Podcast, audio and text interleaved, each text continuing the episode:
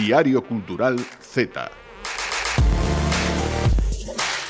Ola, ola a todos e a todas, Fala vos Paula Cantelar, un día máis, sinto moitísimo, volvo a estar soa, sigo facendo aí a búsqueda e captura, a ver se me poñen un copresentador, alguén aquí comigo, para que non me teñades que aguantar só a min. Bueno, xa sabedes, sempre comezo con frases feitas como máximas, non? Que se din por aí e que ninguén dubida. Pois hoxe veño a recordar unha que me dixeron moito na carreira de xornalismo. O xornalista está onde está a noticia, onde está a actualidade. Entón, por iso, hoxe collemos a Radio Galega e movémonos para o Teatro Principal, porque aquí en Compostela xa sabíamos que a efervescencia do audiovisual galego estaba no Festival do Cortocircuito. Claro que sí, entón, pois, aquí estamos Maca, Isidro e Palmeiro nas portas do Teatro Principal, a ver se escoitades así un pouquiño tamén de xente. É verdade, estamos no Teatro Principal e imos falar da creación audiovisual na xente nova, a ver que andamos a facer. Hoxe a novidade é que non nos ides a poder escoitar eh, despois no YouTube, hoxe estamos só por audio, non trouxemos cámara, xa éramos moitos e dixeron, bueno, pois máis non. Entón, pois estaremos en Spotify, en iVoox, iBooks, en Apple Podcast, en radiogalegapodcast.gal e no directo da Radio Galega o sábado e o domingo, pero sinto moito non podedes ver o pedazo de eh, lugar no que estamos agora mesmo aquí ás portas do Teatro Principal. Ben, este festival no que estamos o curto circuito conta cunha amplísima programación dende seccións competitivas como a Cosmos todos os días, Planeta, GZ e Supernova. Cosmos aglutina creacións non de todo tipo que antes pois estaban un pouquiño eh, cada unha polo seu lado, agora están todas mesturadas estruturadas, mentres Planeta GZ aglutina as galegas e Supernova as de persoas que comezan neste mundo. Por iso quixemos vir aquí a ver a quen podemos ver eh, por aquí novo facendo cousiñas. Tamén hai seccións paralelas, como Terra, desta volta para Arancha Brandón, con quen tamén falaremos, e houve outras tamén como criaturas para ver filmes para os máis cativos. Pero, para falar do cortocircuito, mellor vou calar eu un pouquiño porque temos connosco, por sorte, para, vir, para abrir o programa a Pela del Álamo, con Pestalán Ilustre, director de cine cine e director dentro 2013 deste mesmo festival. Boa tarde, Pela. non sei eu. Moitas grazas. Ben, ben, ben, estamos aquí, estamos aquí xa, bueno, empezamos a estar engrasados a cousa vai e moi contentos. Eh, 20 anos do festival, iso, 20, 20 eh, son anos, moitos anos. Son moitos anos, e eh, aparte que eu, aínda que únicamente levo 11, que tampouco son non son poucos, eh, década acórdome perfectamente de cando estábamos ali na Praza de Cervantes o primeiro ano cando fixeron o festival eh, Gael Herrera que fora fundadora eh, que era unha cousa así moi do it yourself ali, bueno, collían as telas tecendoas ali para facer as pantallas e tal e ali estábamos nós eh, pois botando un cable aos nosos colegas eu non teña ni idea de que 20 anos despois ia estar aquí facendo festival pero así é eh? Wow, e dende 2013 ti dirixindo como cambiou sí. en, en 10 anos, van xa? Pois, bueno, no, en 10 anos curtocircuito mudou bastante, claro. eh, xa nos cando entramos ca cambiou respecto ao, a etapa anterior, da que collemos todo o bo que, que había, que era moito, eh, Tim Redford, o director anterior, tiña feito un gran traballo, pero bueno, nós tratamos de reinventar o modelo do festival, porque bueno, para eu teño outra concepción, eu entendo que sí, é un festival de cinema, pero é importante programar outras artes que dialoguen co, co cinema, precisamente porque son as artes, as disciplinas que compoñen o propio cine, non? Entón, sempre insisto nesta idea de que creo que é máis interesante, máis enriquecedor mezclar diferentes cousas e probar, eh, xerar esas interactuacións, traer a, a nos xurados ou as diferentes actividades xente que non sean estritamente do cine, porque senón moitas veces redundas en unha certa endogamia que pff, tampouco aporta demasiado, non? Creo que mora a diversidade, enriquecer xente de diferentes xeracións, de diferentes perfis, sensibilidades, porque ao fin o cabo este un punto de encontro, ten que funcionar para para que haxe ese intercambio, ese ven todo o mundo dun mismo, non, dun mismo mm. nicho, para así dicilo, pois mola menos. Son o entendo eu. entón iso é un pouquiño como que procurades, non? O vosso manifesto dende cortocircuito. Sí, totalmente, o sea, eu non entendo a creación como eh, disciplin, disciplinas estancas, eh, todo está conectado con todo. E cada vez máis sí que é certo que antigamente, e antigamente quero dicir ata hai 15, 20 anos, uh -huh. o cinema claramente estaba restringido non únicamente, pero principalmente a unha élite porque facer sí. cinema era caro.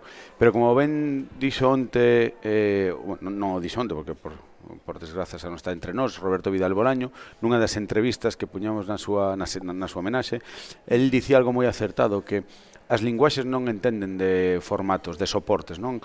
Entón, sí que é certo que nos programamos, cando falamos de cine, falamos de cousas que están feitas cun móvil, cunha cámara de cine ou cunha cámara de vídeo convencional. O soporte non importa en calquera caso sí que é certo que na industria cinematográfica pois sempre habi, sempre como que houbo ese estigma, non, que o cine tiña que facerse en celuloide e iso só estaba ao alcance dunha certa élite. Eso xa morreu e hoxe en día pode facer cinema calquera persoa. Outra cousa xa son os niveis de precariedade, pero ese é outro tema. ese, efectivamente, ese que é un temazo, é o tema, sí, de feito, pero bueno. Sí. Eh, de feito, esta edición tamén é moi importante, non só polas dúas décadas de aniversario que levades, senón porque máis do 50% das creacións non están dirixidas por mulleres. Isto uh -huh. é unha novidade que non o debera ser. Como acolledes mm. esta, esta etiqueta, digamos? Bueno, eh, o tema é que nós, eh, obviamente, traballamos tendo en conta cal é a situación social, contemporánea, cal é que, que, que está acontecendo eh, máis alo do alerta que nos esteamos a realidade vai a realidade vai mudando, non o ritmo que debería, pero vai habendo un cambio. Cando eu entrei en curtocircuito, eh, ti recibías os filmes, eh, os filmes feitos por mulleres en 2013 eran un 15%. Uh -huh. Que isto tamén, cando falaba antes das élites, falo tamén das élites non únicamente económicas, que había unha hexemonía masculina, unha claro. predominancia que, bueno, pues porque unha muller non podía dirixir cine, ou non, sabes, non podía. Digo isto entre comillado, mm, que non mm, se ven claro, aquí. Claro. Eh, isto foi mudando pouco a pouco, foi incrementándose esa porcentaxe de un xeito supernatural. Con todo, cando programamos os nomes grandes, digamos, esa xente, cando queres facer as retrospectivas, como estes nomes a máis consolidados, segue sendo moi difícil traer a mulleres. Por qué? Porque nesas xeracións, por desgraza, o cine era algo, como digo, restringido a, a os homes principalmente, pero como por outra banda foi mudando e nos imos vendo como cando nos confrontamos ao que, a todos os filmes que recibimos cada vez hai un equilibrio maior, viñamos nun 30%, 35, 40, a cousa estaba aí estancada, nos imos repartindo de forma natural, non? Bueno, porque ao final o que temos mm. que programar son filmes que se san vos, o primeiro, pero despois chega un momento que dices, bueno, aquí hai bastante equidade, que facemos? Bueno, pois pues, o que hai que facer como festival é abrir as portas que sempre estiveron pechadas, é así de sinxelo. Eh, poñer un grau de area para intentar chegar a unha, unhas situacións de normalización, na que todavía non estamos, creo que este ano chegamos a máis dun 50%, máis. Mm. porque, bueno, porque surdiu así e porque estamos, como dicía ao principio todo, estamos alertas, estamos vigilantes para que eso ocorra. Pero probablemente o ano que ven é xa difícil, o ano, o ano que ven, Pero bueno, hai que seguir traballando e se hai sorte dentro de 5 anos ou 10 ou 3 ou os que sexan, ser algo natural porque é o que ten que ser. Esperamos que así sexa, claro. E tamén ten moita importancia as novas xeracións, non? No curtocircuito hai unha sección para eles supernova. Sí, eh... é esencial. Para min son uh -huh. é fundamental porque eh, o espírito deste festival sempre foi, como din, dixo por aí un crítico na, en Caimán, en Cuadernos de Cine, hai tempo, dixo que, a máis un crítico galego, dixo que Curto Circuito é un festival gamberro pero riguroso, non? Que ese era como un pouco a, a, a identidade de Curto. E para nós a, a, a mocidade sempre tivo un lugar fundamental porque cando este festival naceu, naceu de xente que era nova moitos de nós fomos medrando, xa non somos tan novos, pero o espírito é ese. Entón, temos, somos super conscientes que tanto na equipa do festival como nas programacións que preparamos, como bueno, en, todas esas, en todas as partes do festival ten que haber xente eh, nova, porque na mocidade hai unha enerxía, unha permeabilidade cos novos coas novas linguaxes, eh co, co, co, co bueno, co, co, cos novos eh, asuntos que hai que hai unha que a xente se cadra pois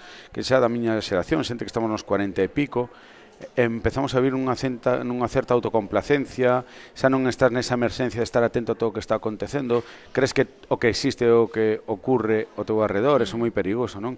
Entón, nos no equipo, por exemplo, sempre estamos metendo xente nova, porque sempre nos dan aí un, un tal, e nas programacións pois tamén, porque é onde atopamos máis innovación, realmente pode que moitas das pezas aínda pois eh, sexan non todo o redondas que poderían uh -huh. ser, Pero hai, que pero hai unha frescura, non, uh -huh. saben que, que haya, haya que darlles un oco, é que hai unha frescura uh -huh. e un algo que non atopamos noutras seccións do festival, así que curto sempre está aberto a xente nova, e isto non é un discurso político, é unha realidade nas programacións, ten que sí, ser así. Sí, se ve, efectivamente, ves en Supernova, pois pues mira, quedamos aí con esa frase que me gustou un montón, cortocircuito, está feito, é un festival, gamberro pero riguroso, gustou un montón, xa falaremos agora de Supernova con Jesús Silva, a xente nova xa se ve, porque claro, repito, non hai imaxe, pero aquí todo isto, xa se ve que hai moita xente nova involucrada, moito voluntario, moita voluntaria, moito traballador, pois Pela, moitísimas grazas por facer un oquiño para nós, que vaya todo ben. Grazas a vos. E vémonos o ano que ven. Vémonos.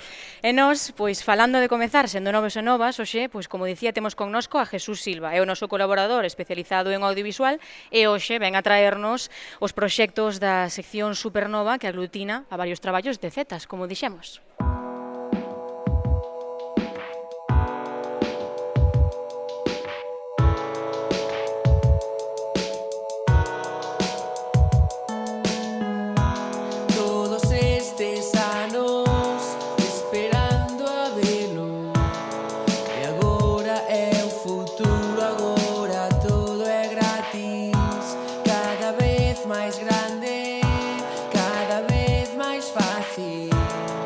Agora hai de todo xa non queda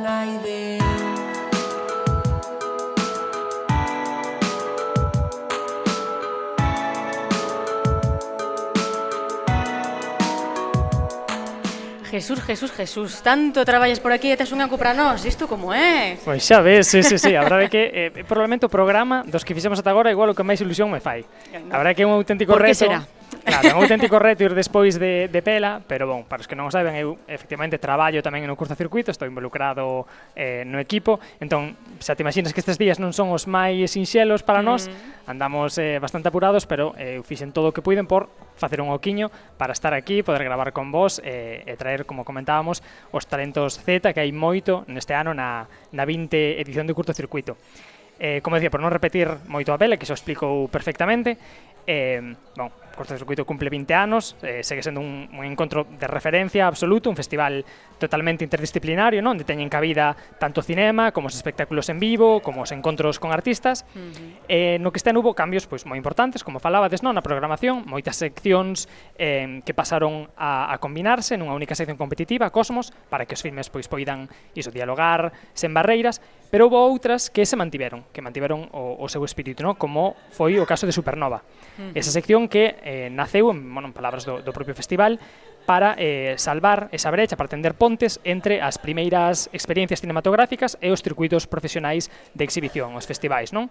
É unha sección que, que colle traballos que normalmente non teñen fácil acceso a espazos de difusión como estes, entón pois o festival quere brindarlles esa oportunidade, non? esta sección para que eh, cineastas emerxentes pois poidan aprender de algún xeito ou, ou digamos, coller tablas, no? presentando e acompañando os seus filmes neste tipo de, de circuitos. Este ano, na edición eh, 2023 de Curta Circuito, hai un total de nove títulos seleccionados en Supernova. Eh, podedes ter toda a información na, na web. Son pezas moi heteroxéneas, moi variadas, que para min dan como unha mostra eh, magnífica da, da riqueza, da variedade do, do visual galego Z. E moitas delas, ademais, naceron nun contexto ou ben académico ou en, en laboratorios de creación, que normalmente acollen pois, outros festivais como, como Novos Cinemas ou como Chanfaina, E o que sí que hai como novidade este ano en Supernova é que por primeira vez vai ser unha sección competitiva. Uh -huh. vale? O sea, eh, hasta eh, agora pues, mm, emitíanse... Hasta agora era unha sección de, de exhibición, uh -huh. que sempre tivo o seu espazo, leva xa moitos anos, eh, uh -huh. programándose en curto, pero este ano por primeira vez eh, é competitiva. E o gañador, pues, bueno, ao igual que o resto do Palmarés, coñecerémolo eh, este domingo, no remato uh -huh. do festival eh, temos pois a sorte evidentemente é un amago porque non podemos ter a, a todos os cineastas en representación de, de todos os filmes, como decía, nove, a un total de 11 cineastas seleccionados este ano, pero tivemos a sorte de ter unha pequena mostra aquí con nós que nos acompañan. Están hoxe con nós no programa Daniel Filloi, director de Tara, xunto con Rebeca Tella, e por vaivéns meteorolóxicos na Vila da Guarda temos os seus directores, Manuela Pereira e Miguel González. Benvidos a todos. Moitas podes grazas. falar, podes quitar xa ese celo que vos tiñamos na, na boca. Hola a todos e a todas, que tal? Estás eh, nerviosos, nerviosas? No. Ah, bueno, pois pues está, isto está todo rodado logo. Bueno, pois pues comezamos por aquí, non? Por este ladiño a miña dereita teño a Daniel Filloi, Filoi? Filloi. Ah, Filloi, sí. mira que ben. Preséntate a ver quen eres, de onde eh, ves, pois... que estás facendo aquí, xo sabemos, pero bueno, un pouquiño así de background. Eu, bueno, son do Carballiño, uh -huh. eh, estou estudiando en Pontevedra, na Universidade de Vigo, o grau de Comunicación Audiovisual. Eh, Rebeca, a codirectora eh, de Ferrol, eh, está estudiando comigo na clase. eh, nada, a min sempre dende cativo me encantou o cinema eh, era onde tiña que estar eh, é o que quero facer, é o que estou facendo e eh, e temos a sorte de estar nomeadas eh, aquí no curtocircuito é unha ilusión supergrande. É normal, normal, é que ter, estar aquí no teatro principal, que todo o mundo vexa a creación na que tanto traballaches debe ser unha gozada. E despois a miña esquerda temos a Manuela Pereira e a Miguel González Flores, que, no, que apelido tan bonito.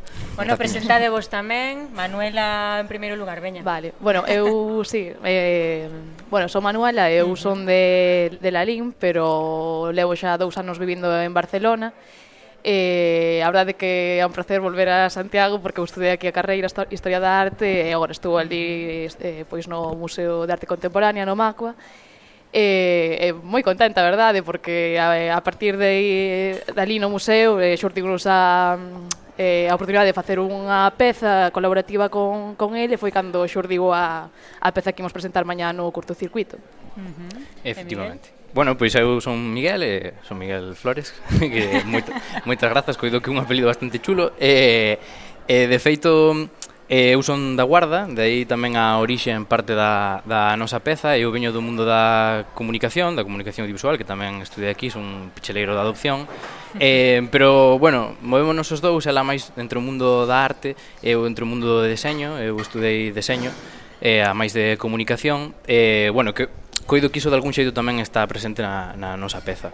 Wow, hai arte, hai deseño, hai comunicación audiovisual, multidisciplinares, vamos, de, das pés a cabeza. Absolutamente, como decía, unha sección que é moi, moi, moi variada, e, e penso que xusto as dúas curzas que temos hoxe aquí con nós en representación son, son boa mostra diso, temos eh, por un lado unha peza está próxima ao máis próximo ao cinema de xénero, unha peza así de, de cámara, en espazo reducido, pero con, con un traballo moi importante de, de dirección de, de arte, de deseño de producción, e por outro unha peza máis próxima ao, bueno, ao traballo con material encontrado, ao mm. documental, falso documental. Entón eu quería saber, en primeiro lugar, bueno, que nos contasen un pouco, ende que por aquí Manuela e, e Miguel xa avanzaron, como cal foi o xérmolo destes, destes dois proxectos, no? como, como nace e como vos xuntades en ambos os casos dos cineastas para, para apostar por estas, por estas ideas.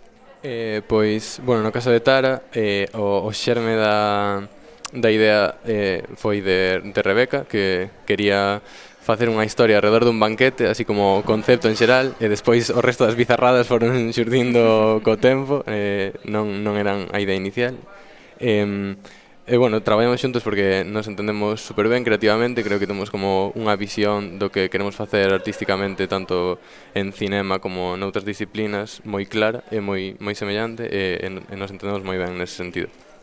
Entón, nada, Tara nace dai. Uh -huh. E vos? Pois nós a verdade que nos, bueno, cada un nun momento eh, eh, perfecto porque os dous estábamos desterrados Eh, xordiunos eh, pois, eh, a oportunidade de participar neste proxecto que vai eh, sobre o pois, o, em, investigativo que vai sobre explorar a, ao territorio a través da auga. E nós, pois, daquela xa levábamos así varias conversacións de o que nos costaba non... Bueno, pois aquele eterno verán que se vive na cidade de Condal e o non ter, pois, os días grises, o, bueno, pois, o, o que vivimos aquí cada día e logo que, que logo botas en falta. Entón, pois, eh, empezamos a cavilar sobre iso, non? E empezamos a investigar tamén mm, moito sobre no refraneiro galego que está eh, ateigado de lendas e mitos que van sobre os cambios meteorolóxicos. E aí foi foi un pouco por onde empezamos. Sí, eu coñecía e, e aparte como que me interesaba moito dende hai uh, xa anos o proxecto Socheo, que é un proxecto de Beli Martínez e Xurxo Chirro, que é precisamente como de recuperación, no, digitalización tamén de moito material fílmico caseiro, no, que é unha cousa que, que está bastante a orde do día hoxe en día no, no mundo audiovisual contemporáneo, o tema do material atopado. E, e había hai un banco tremendo de material que eu pensaba que se poderían facer moitísimas cousas con, con iso. E un pouco a raíz raíz disto eh, de tamén explorar esta idea que, que María poder ser un pequeno spoiler, pero bueno, o, o a nosa peza é un falso documental, un falso nodo, concretamente un falso noticiario documental.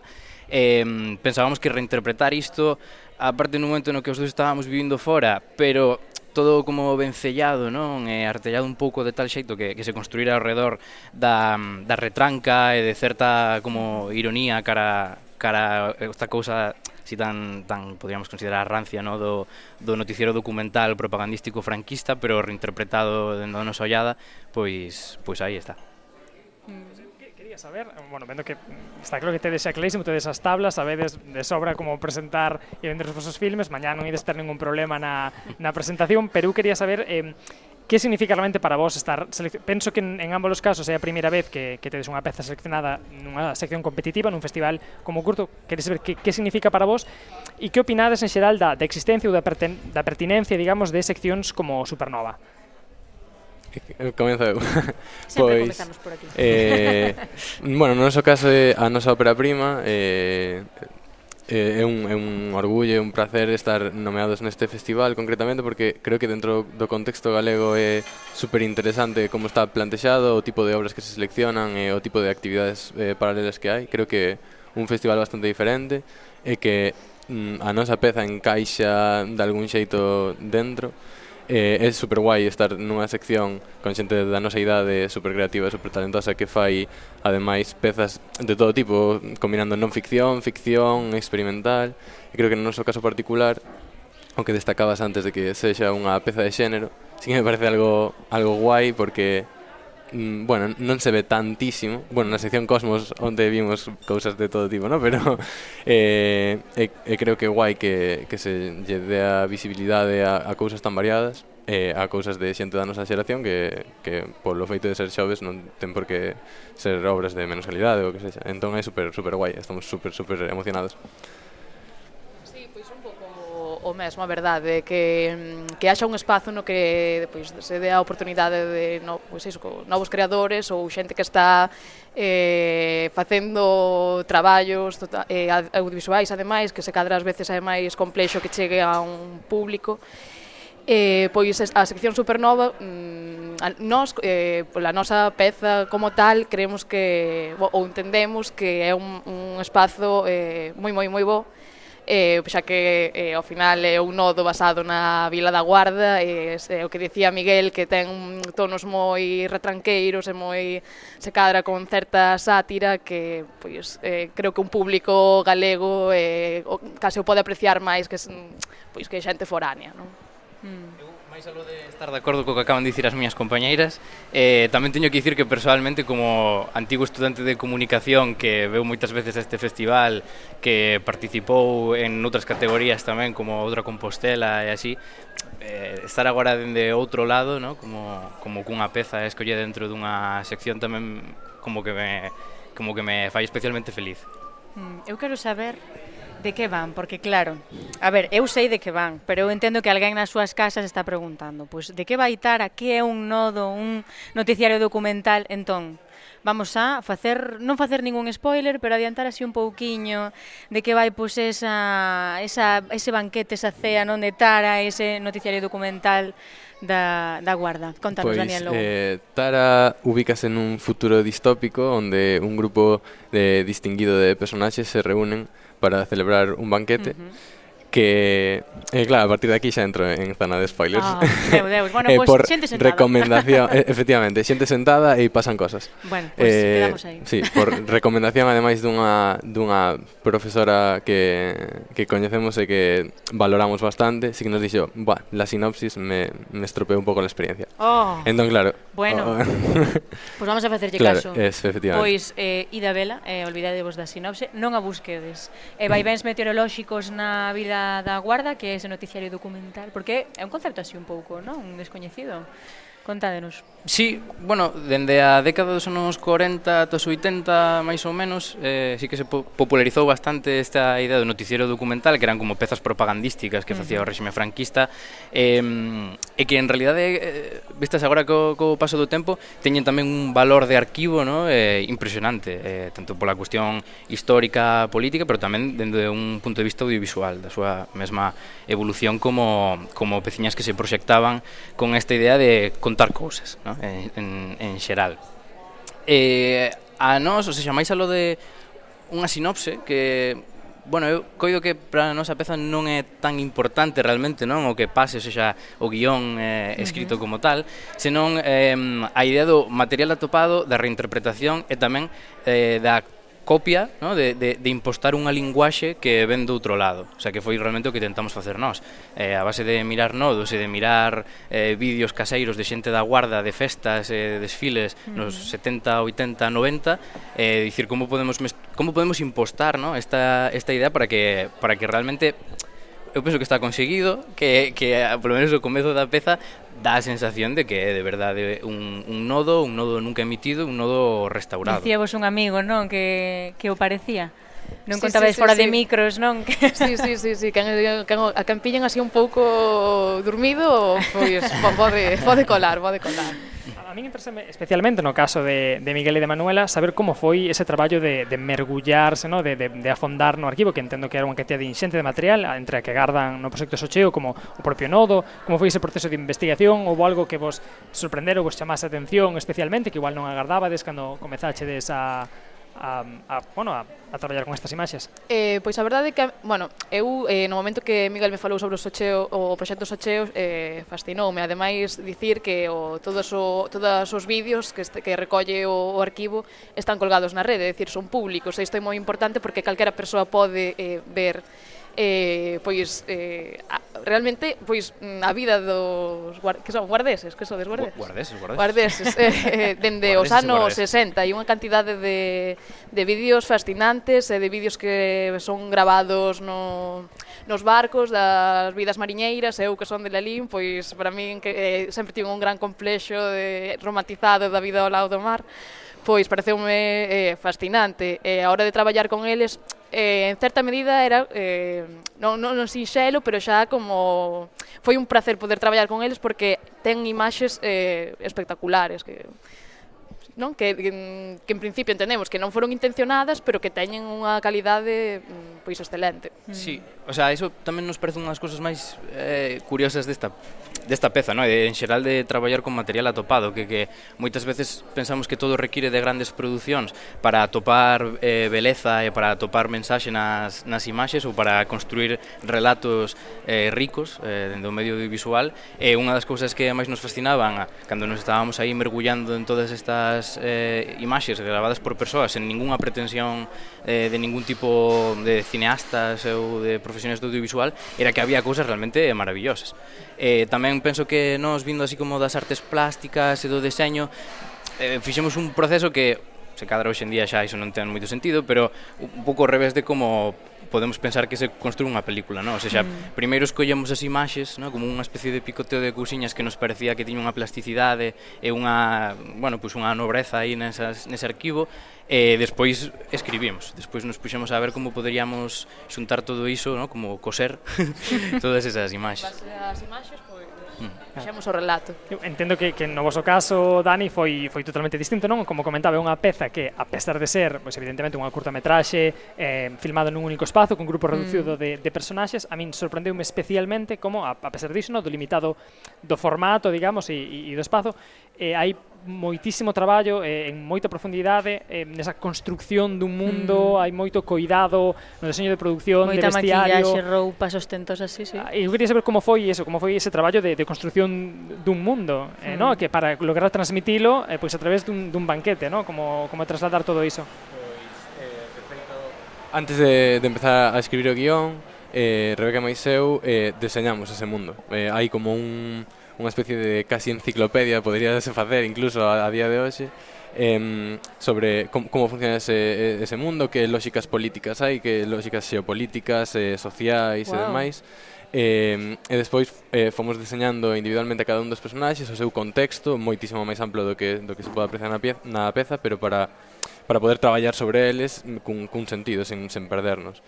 Eh, despois, todo o traballo de ambientación, eh, temos aquí a dúas das, persoa, das principais responsables, que son Rebeca, co-directora, que foi a directora de arte tamén, eh, e a súa irmá Alicia, que foi a diseñadora do vestiario. Eh, que é un traballo increíble que fixeron as dúas eh, de, de ambientación que realmente sí que sí que te mergulla nese, nese universo eh, e nada, eh, pois ese foi o traballo principalmente. Pois xa sabedes, para ver Tara, nada de sinopses nin nada, o mesmo para vaivéns meteorolóxicos na Vila da Guarda, a esencia está en velas, en que veñades ao curtocircuito a velas, pois moitísima sorte a todos e a todas, que vaya moi ben, e esperamos e que veñades algún día máis ao Cultiario Cultural Z por outros moitos proxectos que non vos preguntamos, xa iremos vendo nós, xa vos iremos buscando, xa vos temos o ollo posto, e xa vos chamaremos, de seguro, de seguro que vos chamaremos. E nós, eh, temos que seguir porque o cortocircuito ten moito máis. O sábado, por exemplo, estará a sección paralela e non competitiva a terra, unha sección dedicada a artistas de Galicia cunha carreira consistente neste eido, e por iso hoxe quixemos entrevistar a muller a quen lle dedican este ano, Arancha Brando. Mm -hmm.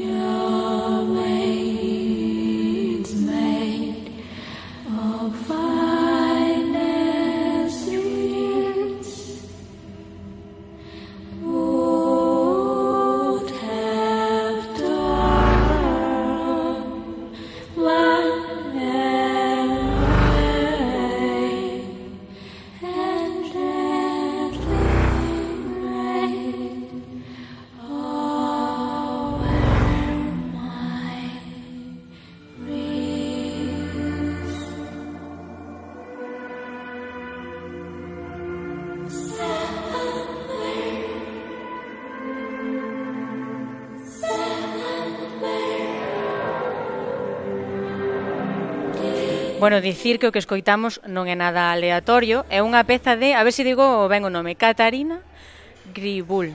Eh, que me perdoe se non o di ben, mira, dime por aquí que o digo perfectamente, é unha artista ucraniana que está presente neste festival, entón, pois, aí a poñemos para que saibades, para que a busquedes, para que escoitedes, porque é unha inmensa maravilla. Pero imos, como dicía, con Arancha Brandón, ela é fotógrafa e cineasta, é coñecida, por aí din, eh, é verdade, obviamente, por ser a viguesa que conquistou Vogue eh, cunha das fotografías do seu proxecto Un rectángulo de aire limpio. Formouse en audiovisuais en Vigo e, como como dicimos nesta edición do curto circuito, o sábado concretamente, poderemos ver as súas creacións audiovisuais na sección Terra. Boa tarde, Arancha, que tal estás? Boa tarde, encantada de estar aquí.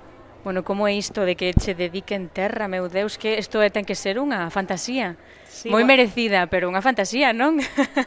sí, bueno, moi emocionada de estar aquí, e ademais que ao final no cortocircuito estou como en familia. Uh -huh. eh, e máis acompañado tamén de novas xeracións de Aguarda, porque non son de Vigo, son de Aguarda. Anda, pois pues mira, hai fake news que meteron por aí. Total, total.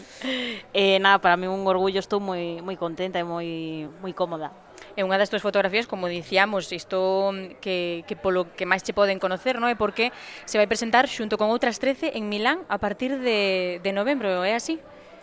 Sí, eh, é un proxecto de seis fotografías uh -huh. é unha peza audiovisual que se presentarán en Milán durante un, o Festival Fotovogue Uh -huh. E unha delas pois aparece no, no número de Vogue de setembro. Uh -huh eh, bueno, eh, para min é un, é un proxecto do que estou moi orgullosa porque é a primeira vez que xunto fotografías que concebín en, en diferentes momentos da miña vida entre o 2020 e o 2023 que mezclan tanto retrato como still life eh, nos que realmente son como autorretratos de mí mesma, aínda que non salga eu nas fotos, obviamente. Mm. Pero é como que es, é como que cada fotografía para min é unha un, como unha mostra de amor ou ou mm, eh, como a mezcla de retrato still life para min é como unha cre como pequenas creacións de, de altares e de casi ofrendas a pues, momentos da miña vida ou apegos materiais.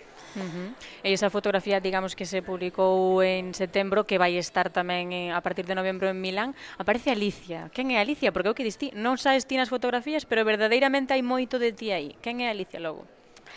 Alice é un, é unha modelo de Mallorca uh -huh. eh, que eu coñecí en Madrid e que ahora mismo, de feito, está nunha das axencias máis importantes do mundo eh, sí. eh, traballando de modelaxe en Nova York.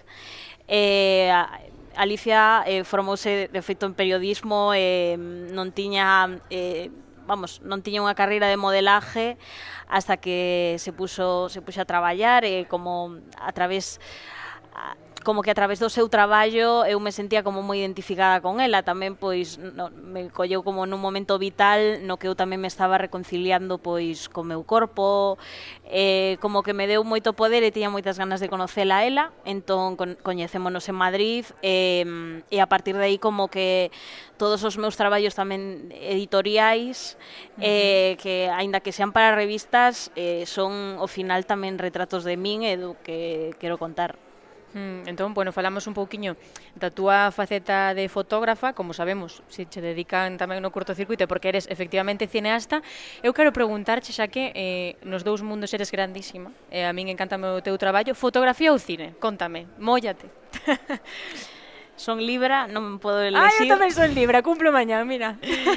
eh, como que me encanta vivir nesa dualidade, tamén so, son da fronteira, enténdote. en plan, eh, non sei, como que dende sempre o, o concepto de elexir o non o mirei nin necesario, uh -huh. e eh, como que esa a veces hai xente que o concibe como unha contradicción, a min eh, creo que niso eh, niso está a riqueza, ao mm, final. Mm, claro. eh, entón, bueno, incluso hai proxectos que eu de, de primeiras concebín solo como fotográficos e aínda me quedaban como inquedanzas pendentes e ao final logo derivaron en, en, en en imaxe en movimento ou ao revés.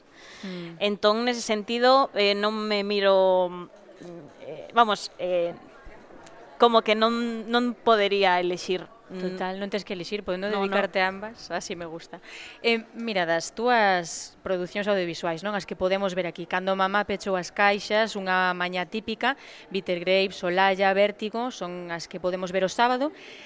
E eh, pasas non un pouquiño dos ancestros da familia, dos recordos nas primeiras, pode que Vértigo sexa un pouco diferente as, as demais? Porque sí que é certo que se ve como unha transversalidade da familia, do recordo, da raíz.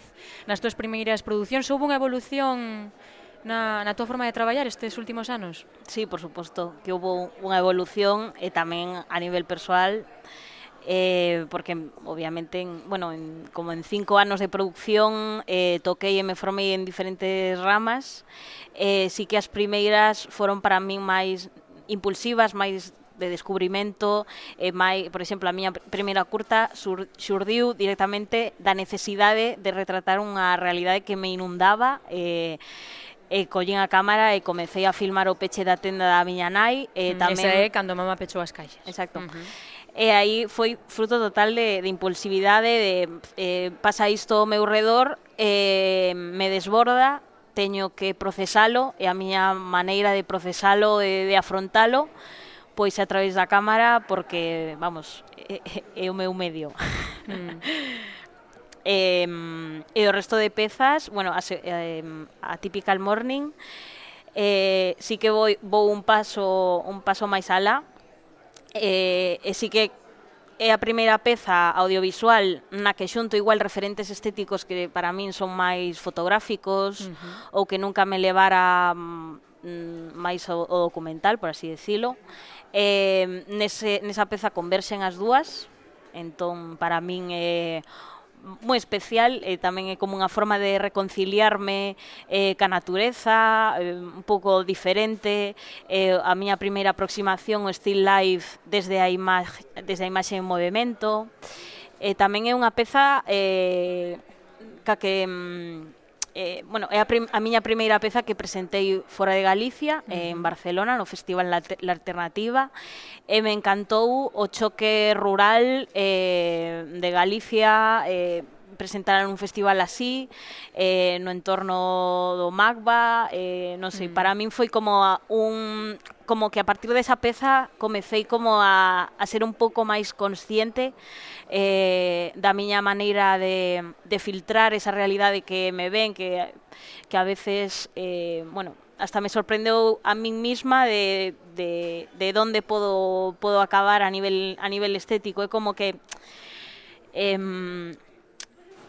como mm, desde pequena me, me eduquei mm, eh, nun entorno de comercio pequeno eh, donde era moi importante o estético porque a miña nai tiña unha tenda de decoración en lámparas entón como que dende pequena a importancia de separar a realidade do que acontecía nun escaparate ou na decoración dunha casa eu iba de pequena pois a visitar casas que tiña que decorar a miña nai, entón había que porse como no supuesto de imagínate que vives aquí, e tes que decorar a casa de alguén, como esa responsabilidade, e, como que, aínda que sea un sector moi alexado do cinema, como esa separación entre a realidade e a proxección eh, mm, estética, como que me quedou bastante inherente despois na, na miña obra.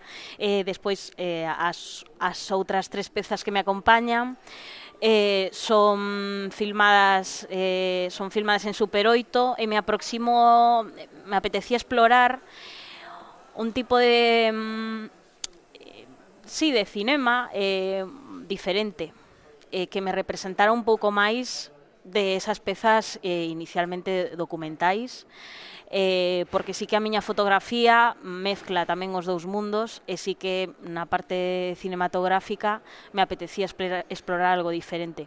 Mm, eh, Vertigo é así a máis diferente, poderíamos decir, ademais é a máis recente, como a ves? Vela máis separada das demais en canto sí, estilo? É, é un, é un fashion film, pero uh -huh. a súa vez eh, ao, o meu concepto de guionizalo foi casi como, como unha autoficción de que levaba levaba un tempo sen facer unha peza desas características e levaba traballando nela casi dous anos. e, e para min foi un reto eh, facer unha peza que non tuvera eh, unha repercu que tuvera unha repercusión eh, porque ao final eh, era foi para unha revista pero pero o traballo foi totalmente persoal eh, o meu desarrollo foi foi mm, casi como se fora un, bueno, unha autoficción que comentaba antes. Mm. Entón sí que mm, eh, gustaba non, non pecho con esa, tamén mostrou un work in progress despois, mm. pero mm, pero bueno, unha mm, alégrome de que te guste, de que te fixaras nela especialmente. Gracias. En que andas traballando agora, Arancha? Pois agora estou noutros proxectos eh, de características de bueno, eh, sigo traballando entre entre a moda, a publicidade, uh -huh. pero mm, eh eh, no, quero non me apetece desvelar nada, pero bueno, pues eh, ben, durante esta ben. durante esta semana tamén estou uh -huh. facendo a residencia artística no curtocircuito aquí, entón no tamén Burgo, estou ¿no? como producindo obra e eh, a súa vez eh, inundando a cabeza con novas historias que acontecen por aquí e eh, conectándome de novo ca xente, así que mm, saldrán saldrán cousas interesantes, espero. Porque podemos ver, non, as túas fotografías expostas así ao fío de deste festival, onde as podemos ver na, no Burgo, pode ser, na residencia. Eh, eu estou creando durante esta ah, semana creando, sí, vale. esas uh -huh. imaxes, uh -huh. estou afondando máis sobre, bueno, é unha liña é unha liña que mm, que sigo investigando, que aparte máis de apegos materiais, eh, eh, durante esta semana pois estou investigando sobre a iconografía non relixiosa que representa Santiago, uh -huh. estou investigando, recorrendo as rúas, facendo fotos, filmando. Que chulada.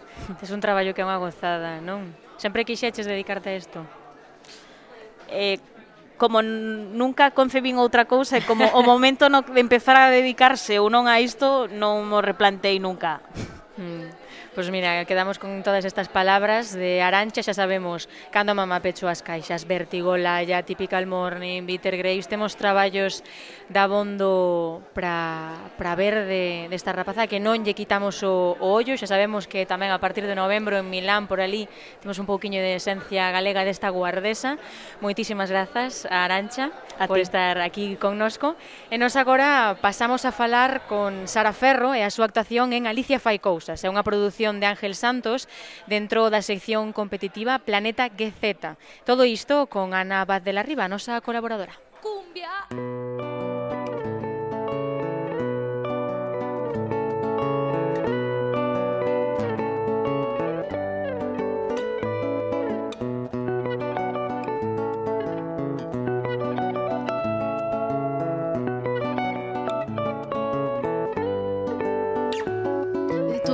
Ela chamanme louca Só polo meu cantar De toda a vida chamanme louca Ola Ana, que tal? Escoitasnos porque Ana non está aquí presencialmente, unha pena porque de verdade que estamos nun sitio chulísimo, pero non pasa nada porque Ana fai os deberes perfectamente e hoxe traenos unha entrevista chulísima, non é así Ana? Ora, sí, sí, escoito perfectamente. Ah, sí. Isto é unha gozada, Ana. Pois contanos que nos traes a Sara Ferro, non? Pois sí, eh, en, esta, en este programa especial tamén a sección de artes escénicas ten que ser especial, non? Eh, ten que ser especialmente híbrida porque imos falar de artes escénicas e tamén de cinema, dúas artes que hoxe imos unir gracias a máis interpretación, eh, como ti ben dicías, falando coa actriz Sara Ferro, porque pensei, se imos abordar a interpretación ante a cámara e a interpretación en escena, que é mellor que falar cunha actriz que desenvolva a súa carreira actoral tanto no audiovisual como nas artes escénicas. Entón, Sara, tamén como, como comentabas, traballou nun filme que se puido ver no curtocircuito estes días no Planeta GZ, curta metrase de Ángel Santos Alicia Fai Cousas, na que Sara actúa xunto a Alicia Armenteros, Alejandro Jato, Siana Prada, Inés Santos e Damián Villalaín. Trátase dunha curta, ademais, que xa conseguira un triunfo histórico en Cannes, obtendo catro galardóns, o mellor, a, a mellor curta metrase de ficción, a mellor dirección, a, o mellor guión e a mellor protagonista feminina. Este filme conta a historia dunha rapaza, Alicia, a que se lle meteu na cabeza que está aburrida. E mentre se prepara para unha audición, pensa se debería apuntarse a algún curso ou se vai ou non a unha festa. Entón o pedinlle a Sara, quen interpreta o papel da amiga de Alicia, que nos falase un poquinho do seu traballo actoral, que se centrou en xerar o contrapunto pa personaxe de Alicia. Pois en Alicia fai cousas, eu represento o papel da súa, da súa amiga, eh, este personaxe que eu interpreto ten como esa faceta de ser o contrapunto da protagonista, non? Mentres que Alicia está nunha voraxin de de facer, facer e de loitar contra o aburrimento, no meu personaxe estaría todo o contrario, está a, a calma, o silencio. Non sabemos se dende unha reflexión, dende unha perspectiva de vida, por así decirlo, ou se, se dende unha pasividade, iso queda aberto, pero penso que sí é interesante que exista este, este contrapunto. Ademais, na vida tamén é así, non? Como que tendemos a xuntarnos con xente que nos aporta todo o contrario a que, ao que nós temos que, que dar. Uh -huh. Sí, eh, para, para que o traballo saia ben, aínda que nas artes escénicas tamén o é, tamén é moi importante o que vou comentar agora, no audiovisual é especialmente importante o equipo que se xera para que a rodaxe eh, flúa e, e isto se reflicta no filme resultante como aconteceu neste caso tamén. Eh, en canto a rodaxe, o traballo en sí pois foi moi placentero, era un equipo mm, pequeniño pero super funcional e foi moi agradable, a verdade. falábamos desta, deste proxecto, non? De Galicia fai cousas, pero, pero a Sara, ademais, podemos vela xa en, en numerosos traballos audiovisuais. Vou mencionar algúns, pero a verdade é que, é que traballou moitos máis, e, eh, todos proxectos moi interesantes, por exemplo, o filme Eles transportan a morte, en curtametraxes como Quer, Unha noite calquera, Camiño Branco, Tres Marías ou Lique, entre moitas outras, como dicía, ou webseries como Terapia de Serie, ou a webserie interactiva Amnesia 3.0, Pero agora Sara, podemos comentalo porque é algo moi moi especial para ela, está enfocada nun novo proxecto, que é a webserie Nómades, que a escribiu ela xunto con Noelia González e que está interpretada por elas dúas. Agora mesmo que está na miña perspectiva de traballo é, é a, a estrea e a distribución de Nómades, que é unha webserie que, que co-escribín con Noelia González e co-protagonicei, eh, levamos aí un ano a axuda da Gadic, puidemos rodar este, esta primavera, e eh, agora pois está en fase de postproducción, e, eh, e nada, a verdade é que teño moitas ganas de que, de que saia a luz este proxecto, porque hai moitísima enerxía volcada nel, e penso que é interesante para a xente da nosa xeración eh, que se vai poder sentir identificada nestos personaxes eh, que non saben que facer coa súa vida, que están rodeados de de incerteza, pero que teñen que, aínda así, eh, facer, facer camiño eh, e avanzar cara a unha vida adulta. Un tema aí ben interesante. Eh, eu penso que, que podemos quedar atentos, eh? a ver se... A ver cando se estrea Nómades. E... Exacto, a ver cando me atraes ao Z, claro. Mira, xa temos. Sí, xa sí, che sí. busco un oquiño aí, xa metemos, xa ten que vir, hai que pactar aí xa. En canto, en canto se estrene, non máis así, porque ademais hmm. eu estiven a ver, porque tamén podemos eh, dicir non que este proxecto ten o seu propio perfil en Instagram, Nomades Web Serie, uh -huh. E eh, aí pois hai xa imaxes, algúns vídeos de como foi a rodaxe, de como foi tamén antes o proceso de, de, de cando escribiron o, o guión. Eh, a verdade é que ten moi boa pinta a, a webserie, así que deixamos aí tamén o, o avance para, para despois cando se estre pois tamén facer un seguimento. Eh, claro, é un, un proxecto moi especial para Sara no que está agora centrada pero sen deixar o resto de proxectos que ten en marcha. E agora sí que temos que volver ás artes escénicas porque como dicíamos Sara que estudou interpretación textual na Sala de Galicia tamén traballa no teatro e agora mesmo podemos vela en Soños un espectáculo pioneiro. Pois Soños é unha obra de teatro dirixida por Tamara Canosa e producida por, coproducida por Artefeito Cultura Activa e Gaxés, que é unha ONG que que axuda a rapazas e rapaces mm, que viven en vivendas tuteladas. E basicamente esta obra o que pretende eh, quitar de, de prexuizos e abrir un pouco as mentes dos adolescentes. Non é unha obra moi enfocada a facer bolos escolares, a que veñan adolescentes a, a vela.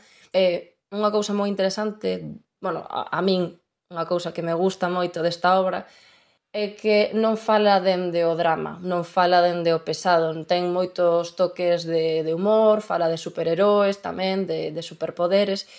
Eh, pareceme que é interesante esta perspectiva de, perdón, pareceme que é interesante a perspectiva de tratar os problemas sociais cunha ollada que non sexa a tristeza, non? Arroxar optimismo sobre todo isto pareceme tan importante como o feito de visibilizarlo e, e falar do tema.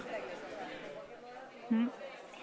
Dicía que era pioneiro, ademais, porque hai poucas pezas en Galicia que se dirixan ao, ao público adolescente ou que aborden pois eh, a súa realidade. E é moi agradecer o traballo, tamén mm, é interesante dicirlo, non? que fai neste senso a directora, que tamén é atriz, a Mara Canosa, que tamén se dirixía a este público con Amantis. E, ademais, Soños eh, é pioneira por outra cousa que é que a primeira peza que aborda o tema da mocidade tutelada de xito integral. Así que tamén podemos dicir que se alguén quere vela pode facelo na Pobra do Caramiñal o 19 de novembro, que a próxima función será que teñen confirmada, porque son pezas que tamén son de interese para todos os públicos. Eh, entón, para conectar o audiovisual e as artes escénicas, que era un pouco que comentábamos non que, que íamos facer nesta sección, os dos campos nos que se desenvolve Sara, eh, Pediñe se nos podía contar que lle gustaba máis de interpretación en escena e de interpretación ante a cámara. E claro, ela mesma se quiso facer a si sí mesma a pregunta de cal elixiría se tivese que escoller unha, ainda que eu non pretendía poñer ante tal disyuntiva, porque é moi difícil. E claro, foi incapaz de escoller porque cada unha ten as súas cousas fermosas e a ela gustalle moito facer as dúas. Supoño que vou dicir o que moitas dirías se lle preguntan que prefires ou que che gusta máis actuar eh, en teatro ou ante cámara. Eh, claro, é imposible, cada cousa ten a súa maxia por exemplo, de actuar no escenario, sobre todo agora que actúo diante de moitas adolescentes, encántame notar as súas reaccións, non? Se están tensas, se están cos personaxes, se están emocionando ou se o contrario, se non se está entrando, se están aburrindo, se tamén está ben notalo porque iso fai que ti como actriz te poñas as pilas. Entón, esa vivenza de aquí e agora de, de compartir co público en vivo en directo é maravilloso actuar diante da cámara ten outras cousas. Se orden moitos momentos máxicos nos que a interpretación está ben, a cámara está ben, o son está ben e ese traballo en equipo tamén é super agradecido.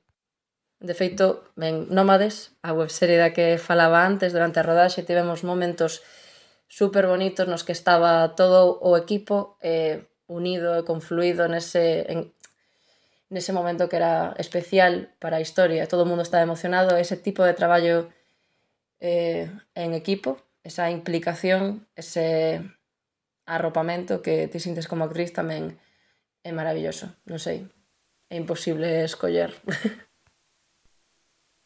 Claro. É moi interesante o que conta Sara desa relación directa que hai no teatro co público de ir sentindo a súa resposta en tempo real fronte ao audiovisual en que a relación co público se produce despois en diferido eh, como na rodaxe esta se centra máis nas relacións que se establecen dentro do propio equipo para apoiar a interpretación e, e facer que todo flúa e esas, esas diferenzas, non? E ademais da cuestión da recepción e como esta influe na propia actuación, eu pensaba non que hai moitos elementos que poderíamos abordar en relación ás diferenzas e conexións entre a actuación non mediada como en esencia non a, a interpretación en escena e a interpretación mediada ante a cámara. Eu penso, por exemplo, eh, na construción e a gradación da presenza, que a min, o mellor aí que non lle parece, a mí me parece un tema moi interesante. E, de feito, eu centrei a miña tese doutoral nel, na, na construción da presenza a partir do adestramento actoral en como se poden construir unhas bases que logo se adapten aos diferentes medios e xeneros.